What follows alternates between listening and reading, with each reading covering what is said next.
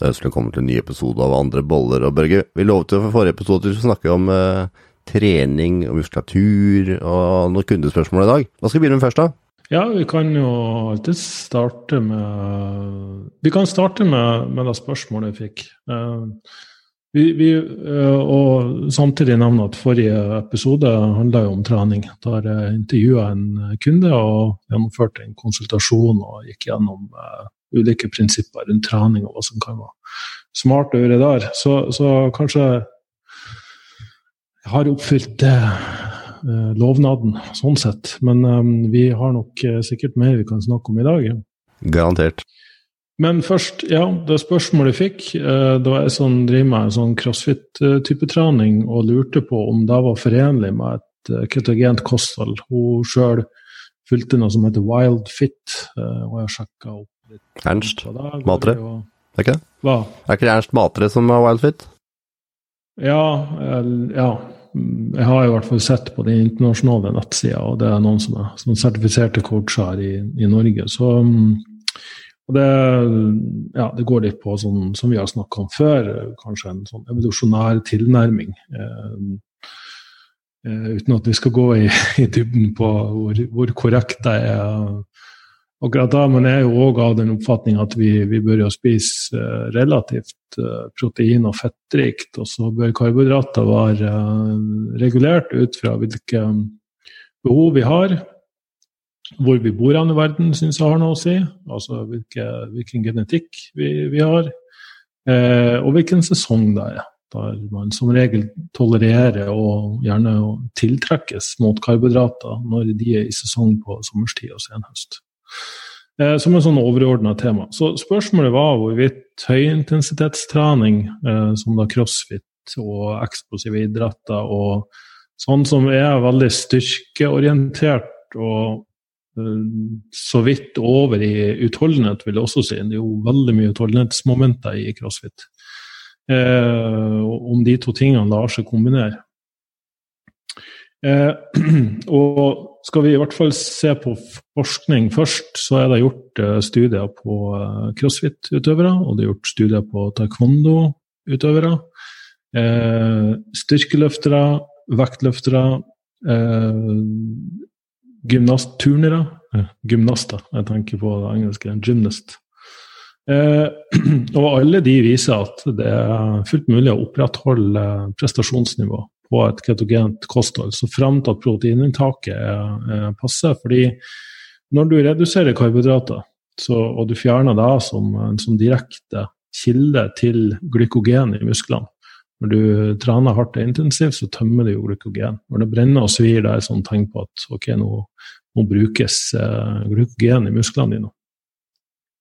Eh, og den enkleste kilden til det er jo da karbohydrater, som gir glukose, som kan lagres som glykogen. Eh, så når du reduserer tilgangen på det, og kroppen og uh, switcher over i ketose, der du begynner å bruke ketonlegemer, altså fett, og omdanne fett som energi, alternativ driv, drivstoffkilde, så må kroppen fremdeles ha eh, glukose for å lagre og gjenopprette, normalisere glykogenlagrene, at det er såpass intensive treninger som det her er snakk om. Um, og uh, du, du, kan, du, du, kan, eh, skape glukose av eh, andre drivstoff enn karbohydrater. Du kan faktisk uh, omdanne melkesyre. Du kan, men kanskje mest av alt omdanne protein. Så folk som trener mye, har jo òg en tendens til å spise mer protein, fordi de har hørt at det er fornuftig. Det er jo uh, en sannhet med modifikasjoner. Jeg mener at det går en sånn øvre grense på hvor, hvor mye protein du, du, kan nyttiggjøre deg av. Men hvis du ikke har karbohydrater i kostholdet, så, så kan protein fungere som en alternativ kilde til glukose. Og opptil halvparten av proteinet du spiser, kan faktisk omdannes til glukose. Eh, det diskuteres hvorvidt den omdanninga som heter glukoneogenese, GNG, hvorvidt den eh, avhenger av hvor mye protein du spiser, eller hvor mye glukose du har behov for. Men jeg mener at dette er nok en, en sånn ganske Tenk litt evolusjonært, da. Hvordan den mekanismen faktisk fungerer fysiologisk. Jo, den skal, den skal gjøre at kroppen aldri egentlig går tom for noen av drivstoffene. Eh, nå har jo nå har vel mennesker aldri eh, brukt kroppen sin på den måten som man gjør i, i de ekstreme idrettene. Eh, så, så, der stilles det nok en del høyere krav. Um, men, men, da de studiene viser at um, etter en tilpasningsperiode, eh, minimum to uker, vil si opptil seks uker, kanskje så mye som to måneder, eh, på et ketogent kosthold, så er glykogenlagrene stort sett de samme som de som spiser et karbohydratbasert kosthold. Så, så, kroppen er da i stand til å begynne å sette i gang de mekanismene for å omdanne protein, melkesyre og, og, og igjen eh, ketonlegemer som alternativt drivstoff for andre behov. Eh, og holde glykogenlagrene optimale. Prestasjonsmessig så er det nok allikevel en liten fordel å hente på å, å spise karbohydrater og få direkte altså glukose direkte fra, fra karbohydrater, utenom å gå omveien via eh, GNG, eller glukoneogenese. Eh, for det de studiene også viser at det kan ta opptil 24 timer før du har gjenoppretta eh, glykogenlagrene dine. Den prosessen går mye hurtigere hvis du tilfører karbohydrater. Så, så en, en, sånn fin mellomting og et kosthold som jeg ofte bruker på, på mange kunder, er å ha en base som er, som er lavkarbo eller ketogen. Der du har eh, et greit proteininntak, jeg vil si rundt 1,5 gram per kilo kroppsvekt. Um, typ 120 gram for en mann på 8 kilo. Uh, minst like like mye fett som protein i gram, dvs. Si minst 120 gram eh, fett. Dette kommer jo òg an på hvilke energibehov den personen har, om de skal gå ned i vekt eller opp i vekt. Så da, men da bruker du fett som en sånn eh, energifaktor. Altså, du tilfører mer fett hvis du har et høyere energibehov. Men rundt treningsøkter så, så, kan du gjerne tilføre ekstra karbohydrater. Og hvor mye du skal tilføre, kommer litt an på hvilke behov det er snakk om. Er det en times in, altså heftige intervaller som, som, du kanskje brenner gjennom 300-400, altså det som tilsvarer 100 gram karbohydrater, så kan det faktisk være hensiktsmessig å tilføre opptil 100 gram karbohydrater før, under og etter trening. Kanskje mange opplever at de, de får best prestasjon av litt karbohydrater før trening, til og med i måltidet før, noen timer før. Og så fyller de på mesteparten etterpå, bare for å få en sånn hurtig oppfylling av, av glykogen. En ting jeg lurer på, Børge. Ja. Og I den siste tiden nå så er det jo høsting på gård, og jeg er med på sånn der økologisk andelsgård. Og jeg merker nå som jeg spiser helt eh, ferske grønnsaker rett fra åkeren og rett inn i mitt eh, nebb, så kjenner jeg at energinivået Jeg får en helt annen energi enn jeg pleier å få til vanlig. Mm. Og det jeg lurer på, er at eh, man kan si at ja, karbohydrater er karbohydrater, men er egentlig karbohydrater karbohydrater, for jeg merker at jeg får så mye mer energi og mye mer livlig. Jeg får mer sånn, kan jeg kalle det for glød, eller mer sånn et ekstra gir. Jeg kjenner at det, er, at det blir en forskjell på en måte den næringa jeg på en måte putter i kroppen. da. Jeg pleier å spise grønnsaker som til vanlig også, men akkurat det er noe spesielt når liksom man får det direkte ferskt og rett inn inn i gapet. så Derfor lurer jeg på, er det, er det litt forskjell på de forskjellige typer karbohydratene og næringskilder man faktisk tar i nå? Er, er på en måte 100 gram karbohydrater og 100 gram karbohydrater på en måte? Eh, der kan du si at uh, folk i bransjen deler seg i to leirer. Den ene leira er mer sånn kun makronæring, altså kun karbohydrater, protein, fett. Uh, I ekstreme fall så har vi der if it fits or macros. Der det ikke har noe å si hva du spiser, så lenge du spiser nok kalorier og karbohydrater, på din fett. Eh, jeg tror nok at vi må ta med det aspektet der hva maten faktisk gjør med kroppen vår, også har mye å si. Da, da, da både fra et sånn evolusjonært og fysiologisk perspektiv så, så, gir det mening at naturen er jo den som har gitt oss næring. Enten i form av dyr som vi jakter, eller, eller eh, de vekstene som finnes naturlig. Um, så, så, hvis du tilfører rent sukker eller rent druesukker eller glukose, altså i pulverform, så får du en sånn meget hurtig puls av rene karbohydrater. Og fra et sånn rent energetisk ståsted, der hvis du tar deg i forbindelse med trening, så ja, vi kan argumentere for at det kan være hensiktsmessig ved å få så hurtig påfylling som overhodet mulig. Kanskje hvis du har en ny treningsøkt senere den dagen.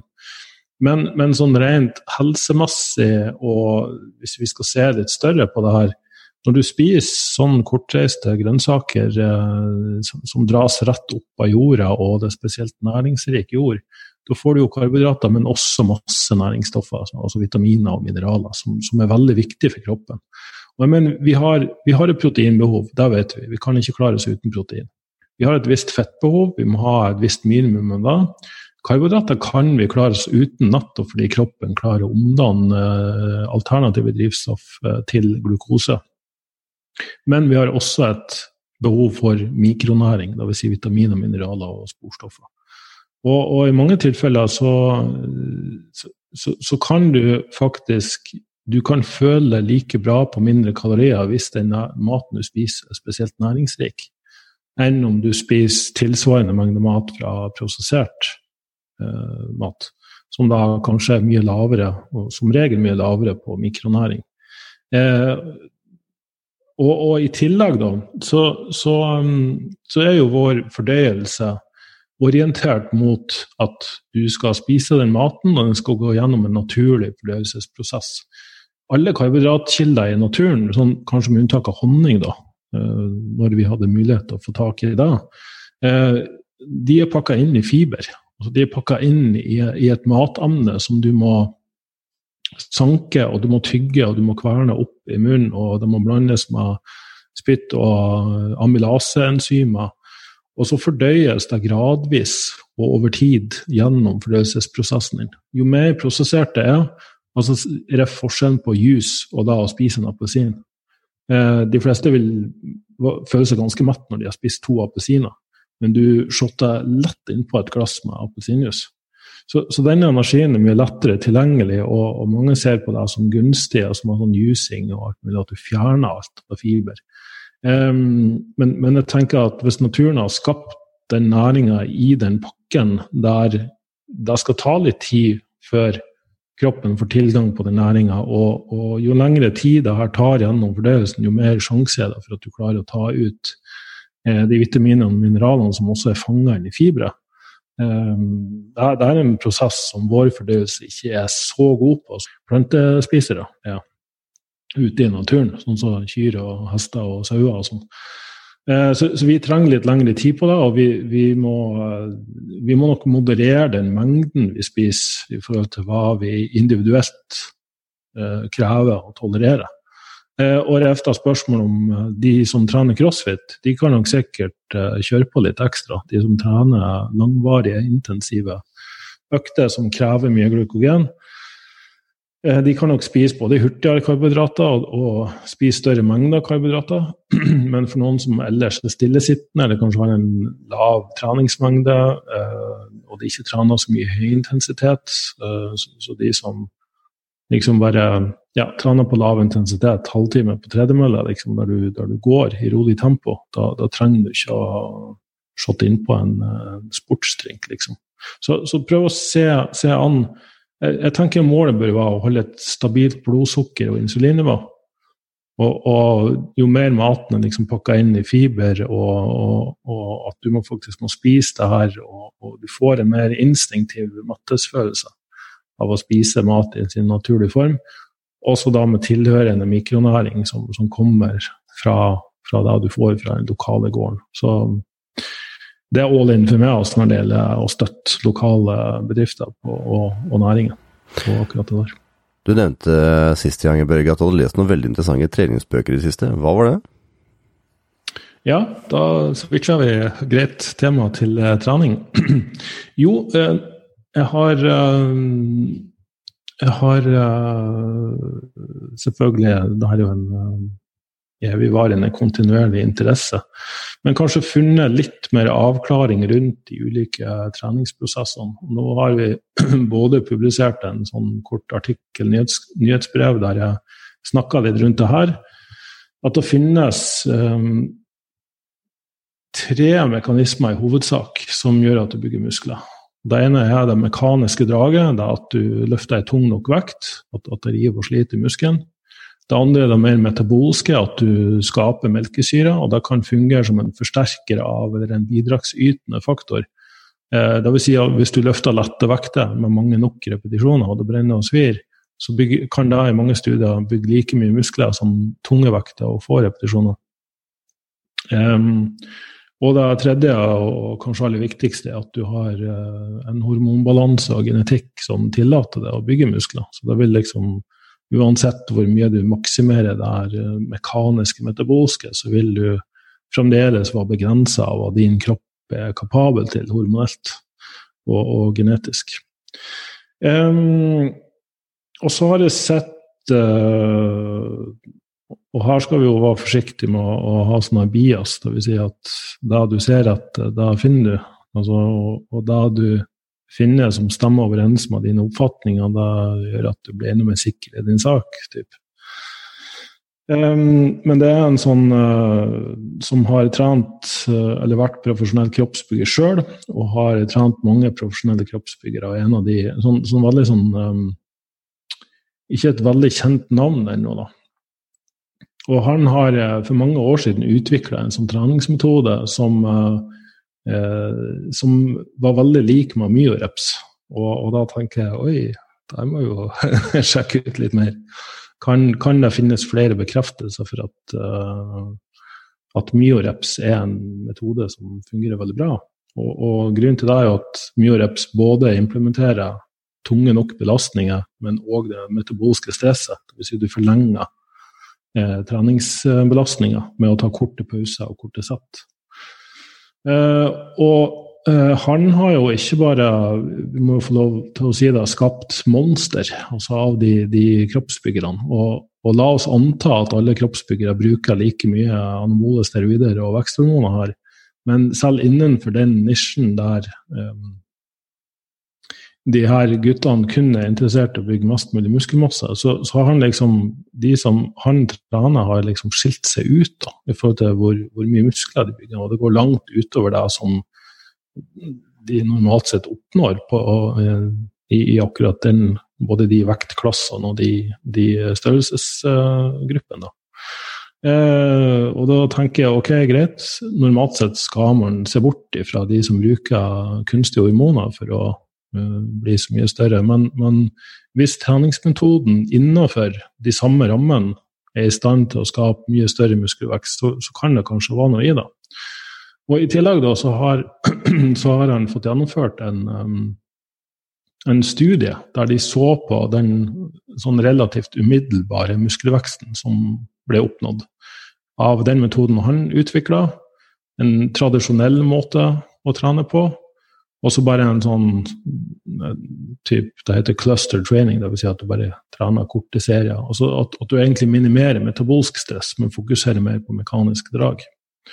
Eh, og der var den liksom dobbelt så effektiv som de andre metodene. Og det her var et uavhengig laboratorie eller universitet som har utført det. Og, og det her er en enkeltperson, så jeg tviler litt på at, at han har gått inn og finansiert denne studien, for det, det kosta veldig mye. Eh, og, og, enkelt sagt, for de som kjenner til myoreps, eller for de som ikke kjenner til myoreps, så er gangen i det hele at du, du velger vekt du klarer mellom 10 til 20 repetisjoner. Så trener du veldig nær utmattelsespunktet. Vil si, bruker du 10 rep maksvekt, så prøver du å ta 10 repetisjoner. Så tar du en kort pause på 10-15 sekunder, og så tar du en ny serie på mellom 3 til 5 repetisjoner.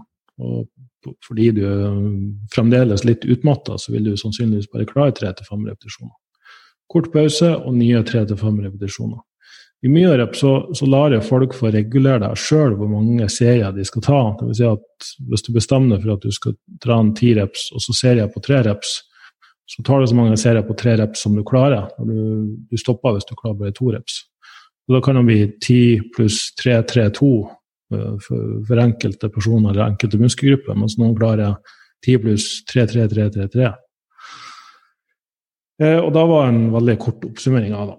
Um, han har en en liten vri på det. Og han uh, kjører da i dette eksempelet 10 pluss 3 pluss 3. Og så begynner han å ta av vekt. Han tar av 20% vekt, og da er vi inne på det droppsett, som sikkert mange også har testa ut. Og etter en like kort pause så eh, kjører han eh, så mange repetisjoner han klarer, med en veldig sakte senking av vekta. Fem sekunder senking, og så løft eksplosivt. Fem sekunder senking og løft eksplosivt. Eh, når det stopper opp, så tar han 20 vekt igjen. Og så gjør han det motsatte. Han løfter veldig sakte og kontrollert. Fem sekunder opp, senker uh, raskere. Fem sekunder opp, senker raskere. Tar av 20 vekt igjen, og så bare holder statisk nær en sånn strekt bunnposisjon. Så, så, du har en sånn veldig forlenga sett der det ene settet rett og slett viste seg å være så effektivt at det utkonkurrerte jeg tror det var seks vanlige sett med type åtte repetisjoner. Men er ikke det veldig logisk, Børge? Vil ikke det si at man egentlig klarer å stimulere alle muskelfibrene å gjøre sånn her, da? Ja, det er jo det jeg også tenker. Jeg, jeg kan også se det fra det synspunktet at hvis, hvis um, stimulansene overlapper for mye Vi har jo mange gode studier som viser at hvis du trener styrke, og så trener kondisjon etterpå. Så med mindre du er helt utrent, så, så kan det potensielt forstyrre muskelvekst. Men det kommer an på grad. Så, så jeg tenker kroppen har en slags sånn vippehuske der den vipper mellom den ene eller den andre stimulansen. Eh, men det er ikke en sånn A-påbryter, det er mer en sånn glidende overgang. Så um, For det er studier som viser at, at um, hvis, hvis, du bare tar noen få intervaller kombinert med styrke, så kan det potensielt øke muskelvekst. Men hvis du trener en langvarig utholdenhetsøkt og prøver å kombinere det med en langvarig styrkeøkt, så har det en sånn uh, interferenseffekt. Det vil si at de, uh, de hemmer hverandres treningseffekt. Så du får verken den maksimale utholdenhetseffekten eller styrkeeffekten. Uh, men, men, det her gjør, det er å liksom pakke alt inn veldig sånn komprimert, og ikke så lenge at det begynner å forstyrre hverandre. Sånn at du, du, du får inn den, den, vekta som er tung nok, rundt 10-20 repetisjoner. Da er såpass tunge vekter at det setter i gang det maskineriet som blir stimulert av draget i muskelen, at du river og drar i den fordi du løfter vekt. Og så kombinerer du det med at du også skaper litt melkesyre, og så får det deg til å brenne og svi litt, og, og den såkalte metabolske effekten. Eh, ved å ta de korte pausene og ta litt vekt og klare å videreføre og fortsette det, det settet. Så igjen, en fin validering bekreftelse på en sånn mioreps-tilnærming. Altså jeg mener at detaljene i det her med å senke fem sekunder og løfte og ta 20% osv. Alt det der blir mer sånn mikrodetaljer. Men hvis vi ser litt større på det, så er en sånn måte å trene på, der du holder det innenfor et visst belastningsområde, tar ikke nødvendigvis så mange reps du klarer at du liksom må hjelpe til å løfte, for da vet vi kan være såpass stressende at det tar lang tid å restituere seg fra. Men at du, du klarer å ligge på akkurat det området at du løfter nært nok utmattelse, og så holder du det på det utmattelsespunktet ved å legge inn litt korte pauser og ta litt vekt, og sånn, sånn at du klarer å videreføre det, settet. Da får du i løpet av det ene settet. Du får en kondisjonseffekt, ikke minst, fordi du vil jo puste som et lokomotiv. Jeg oppfordrer ingen til å gjøre det her på knebøy, selv om det er de som har gjort det på knebøy. Men da går du liksom tom for pust lenge før du liksom får trent musklene ordentlig. Eh, men, men test det ut på enkelte øvelser. Det blir jo ekstremt tidseffektivt, fordi du, et, sånt, et sånt sett eh, gjennomfører det på kanskje to minutter. Og Hvis det tilsvarer tre til seks vanlige sett med lang hvilepause mellom, med to-tre to, minutter pause mellom, så, så, har du på to minutter fått den effekten som du normalt sett ville brukt et kvarter på. Så, så, hvis du gjør det her på et utvalg med øvelser, så kan du i, i, i teorien da gjennomføre en effektiv økt for uh, hele overkroppen, eller til og med hele kroppen, for mellom 15 til 20 minutter. Der de fleste kanskje bruker en time eller mer på gymmet. Ja, jeg liker i hvert fall å være litt effektiv når jeg er på gymmet. Det er liksom ikke den som er sånn sosial og sitter og drikker kaffe og, og sladrer med, med kompiser liksom, mellom settene. Selv om det er mange som trives med det også. Så la oss ikke putte noen i bås eller si at sånn må du gjøre, fordi vi vet vi har gode nok bevis på at det å sitte og ta lang nok pause mellom settene Altså Det som er gjort av forskning og metastudier på hvilepauser, viser at du bør faktisk ha to til tre minutts pause mellom hvert sett for å få den maksimale effekten av den type trening. da. Eh, I hvert fall hvis du fokuserer på det rene mekaniske draget, da, at du løfter såpass tunge vekter. da. Um, men det er nok et eller annet unikt som skjer her når du trener på den måten som myoreps og denne treningsmetoden. Da. Den heter vel SST, Sarcoplasmic Stimulating Training, for de som ønsker å sjekke det her opp. da. Um, som, som, gjør at da uh, om ikke hver eneste gang eller gjennom mange mange uker, fordi det er såpass brutalt og intensivt at uh, min erfaring tilsier at uh, veldig få klarer å restituere seg fra det hvis, hvis de gjør det her kontinuerlig over lengre tid. Men at du legger inn at du legger inn én til to uker med denne treningsmetoden. sånn at du får veldig korte treningsøkter, eller kanskje på utvalgte muskelgrupper. eller noe sånt. Da, da tror jeg at det, det, det, har en veldig sånn forsterkende effekt på muskelvekst, og kan kanskje sette i gang muskelvekst igjen hvis, hvis den har stoppet opp. Har du fått sånne aha-opplevelser foruten det de bøkene du har lest den siste tiden? eller Børge?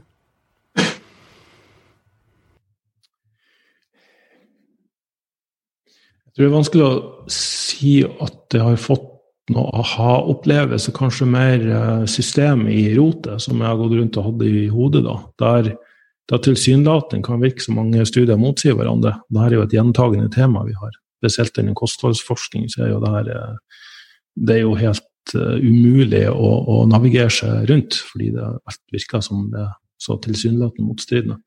Og det samme innen trening. det er Noen viser at du skal trene med høyvolum og så ofte som mulig, og noen viser det motsatte. Så det er nok mer å, å At jeg har klart å begynne i større grad å plassere hvor de forskjellige tingene hører hjemme. Hvem det passer for, og når det passer. Eh, Okklusjonstrening var jo en stor greie en stund. Da du har sånn mansjett eller strikk rundt armen eller beinet, og så trener du masse, masse reps. Eh, bare for å maksimere det, der, at det skal brenne og svi. Og, og på veldig lette vekter så har de sett liksom, imponerende muskelvekst. Eh, men det er gjort sånn studier der de liksom virkelig lar folk få eh, kjøres hardt da, på denne type trening. To til tre ganger om dagen må de trene sånn her med, med masse masse reps eh, hver eneste dag. Og Da ser vi at etter sju til ti dager så stopper muskelveksten opp. Da begynner det å vise tegn på overtrening, at det her blir for mye, rett og slett. Så, så det er nok litt sånn at Men kroppen er jo ikke laga for det, da? Konstant press og sånn der over mange dager? Men vil, tilpa vil tilpasse seg en periode, og så vil du stoppe opp? Ja, og, og jeg tenker, ikke, ikke, for å gå helt over i den der muscle confusion-prinsippet, at du skal forvirre en muskel og trene forskjellig hele tida, men, men, en mer systematisk tilnærming der du en, en periode trener altså metabolsk stress og har eh, høyere reps og kortere pauser og mye reps og så går du over til mer sånn mekanisk belast, altså tyngre belastning, og, og fokuserer på det aspektet, og kanskje til og med helt opp i sånn ren styrketrening med én til tre repetisjoner. Eh, men innimellom bør du nok ha elementer av det metabolske stresset. Og denne metoden, da, eller denne typen trening, eh, porsjoneres inn for å rett og slett eh, Se på det her som et sånn større system, da der du må ha det kardiovaskulære systemet, altså hjerte-karsystem og oksygenopptak må være på plass. Eh, du må ha det muskulære, dvs. Si at du må ha en stor nok muskel. Du må ha et nervesystem som er i stand til å kontrahere de musklene og koordinere det, sånn at du klarer å utføre en bevegelse. Um, og, og, så er det litt sånn overlappende system inni her. sånn at Du må ha oksygen og blodtilførsel til en muskel, og da vet vi stimuleres med høyreoppstrening. At, at her er mange lenker i den kjeden. Og hvis du rent fokuserer på det ene eh, for lenge, så, så, stopper det opp, og det er ikke sikkert Det er nok ikke mangel på tyngre vekter som stopper det, eller eh, høyere treningsvolum, men det er nok et eller annet aspekt her. Jeg har f.eks. sett mange som de har vært helt stillesittende og kun trent styrkeløft, og så begynner de å trene litt utholdenhet. så bare 20-30 minutter for å få i gang blodpumpa og liksom bruke den delen av, uh, av, kroppen. Og plutselig begynner styrken å øke på gym. Fordi de, har, de får bedre oksygen og blodtilførsel til, til muskler, og arbeidende, både arbeidende og hvilende muskler. Og dermed kan de restituere seg mer, og potensielt også da tolerere tyngre trening og mer trening. Så, så tenk på det her som et større system, der, der det kan være lurt å periodevis fokusere på noe utenfor det du bruker mest treningstid på. Synes det er veldig interessant det, Børge. Og for deg som lytter, så må du gjerne sende forslag til temalister til podcast at myrevolution.no. Og nok en gang, Børge, takk for en utrolig informativ eh, episode. Vi lærte mye i denne episoden her. Jeg tror det her er den episoden du har snakka minst. Så jeg syns du ikke bare sitter og hørt på, og jeg har sittet her og babla. Ja, men du hadde jo så utrolig mye å komme i dag at jeg syns jeg har utrolig informativt. det. Ja, jeg håper at uh, folk der ute fikk noe ut av det. Og som vanlig, hvis dere har noen spørsmål eller uh, kommentarer, så, så, send oss en uh, mail på podcast.marrevolution.no. Det er et veldig godt tegn. Jeg holder kjeft. Da det, kommer det veldig mye bra. Så takk for i dag, kjære lytter. ha det bra. Takk for i dag. Ha det.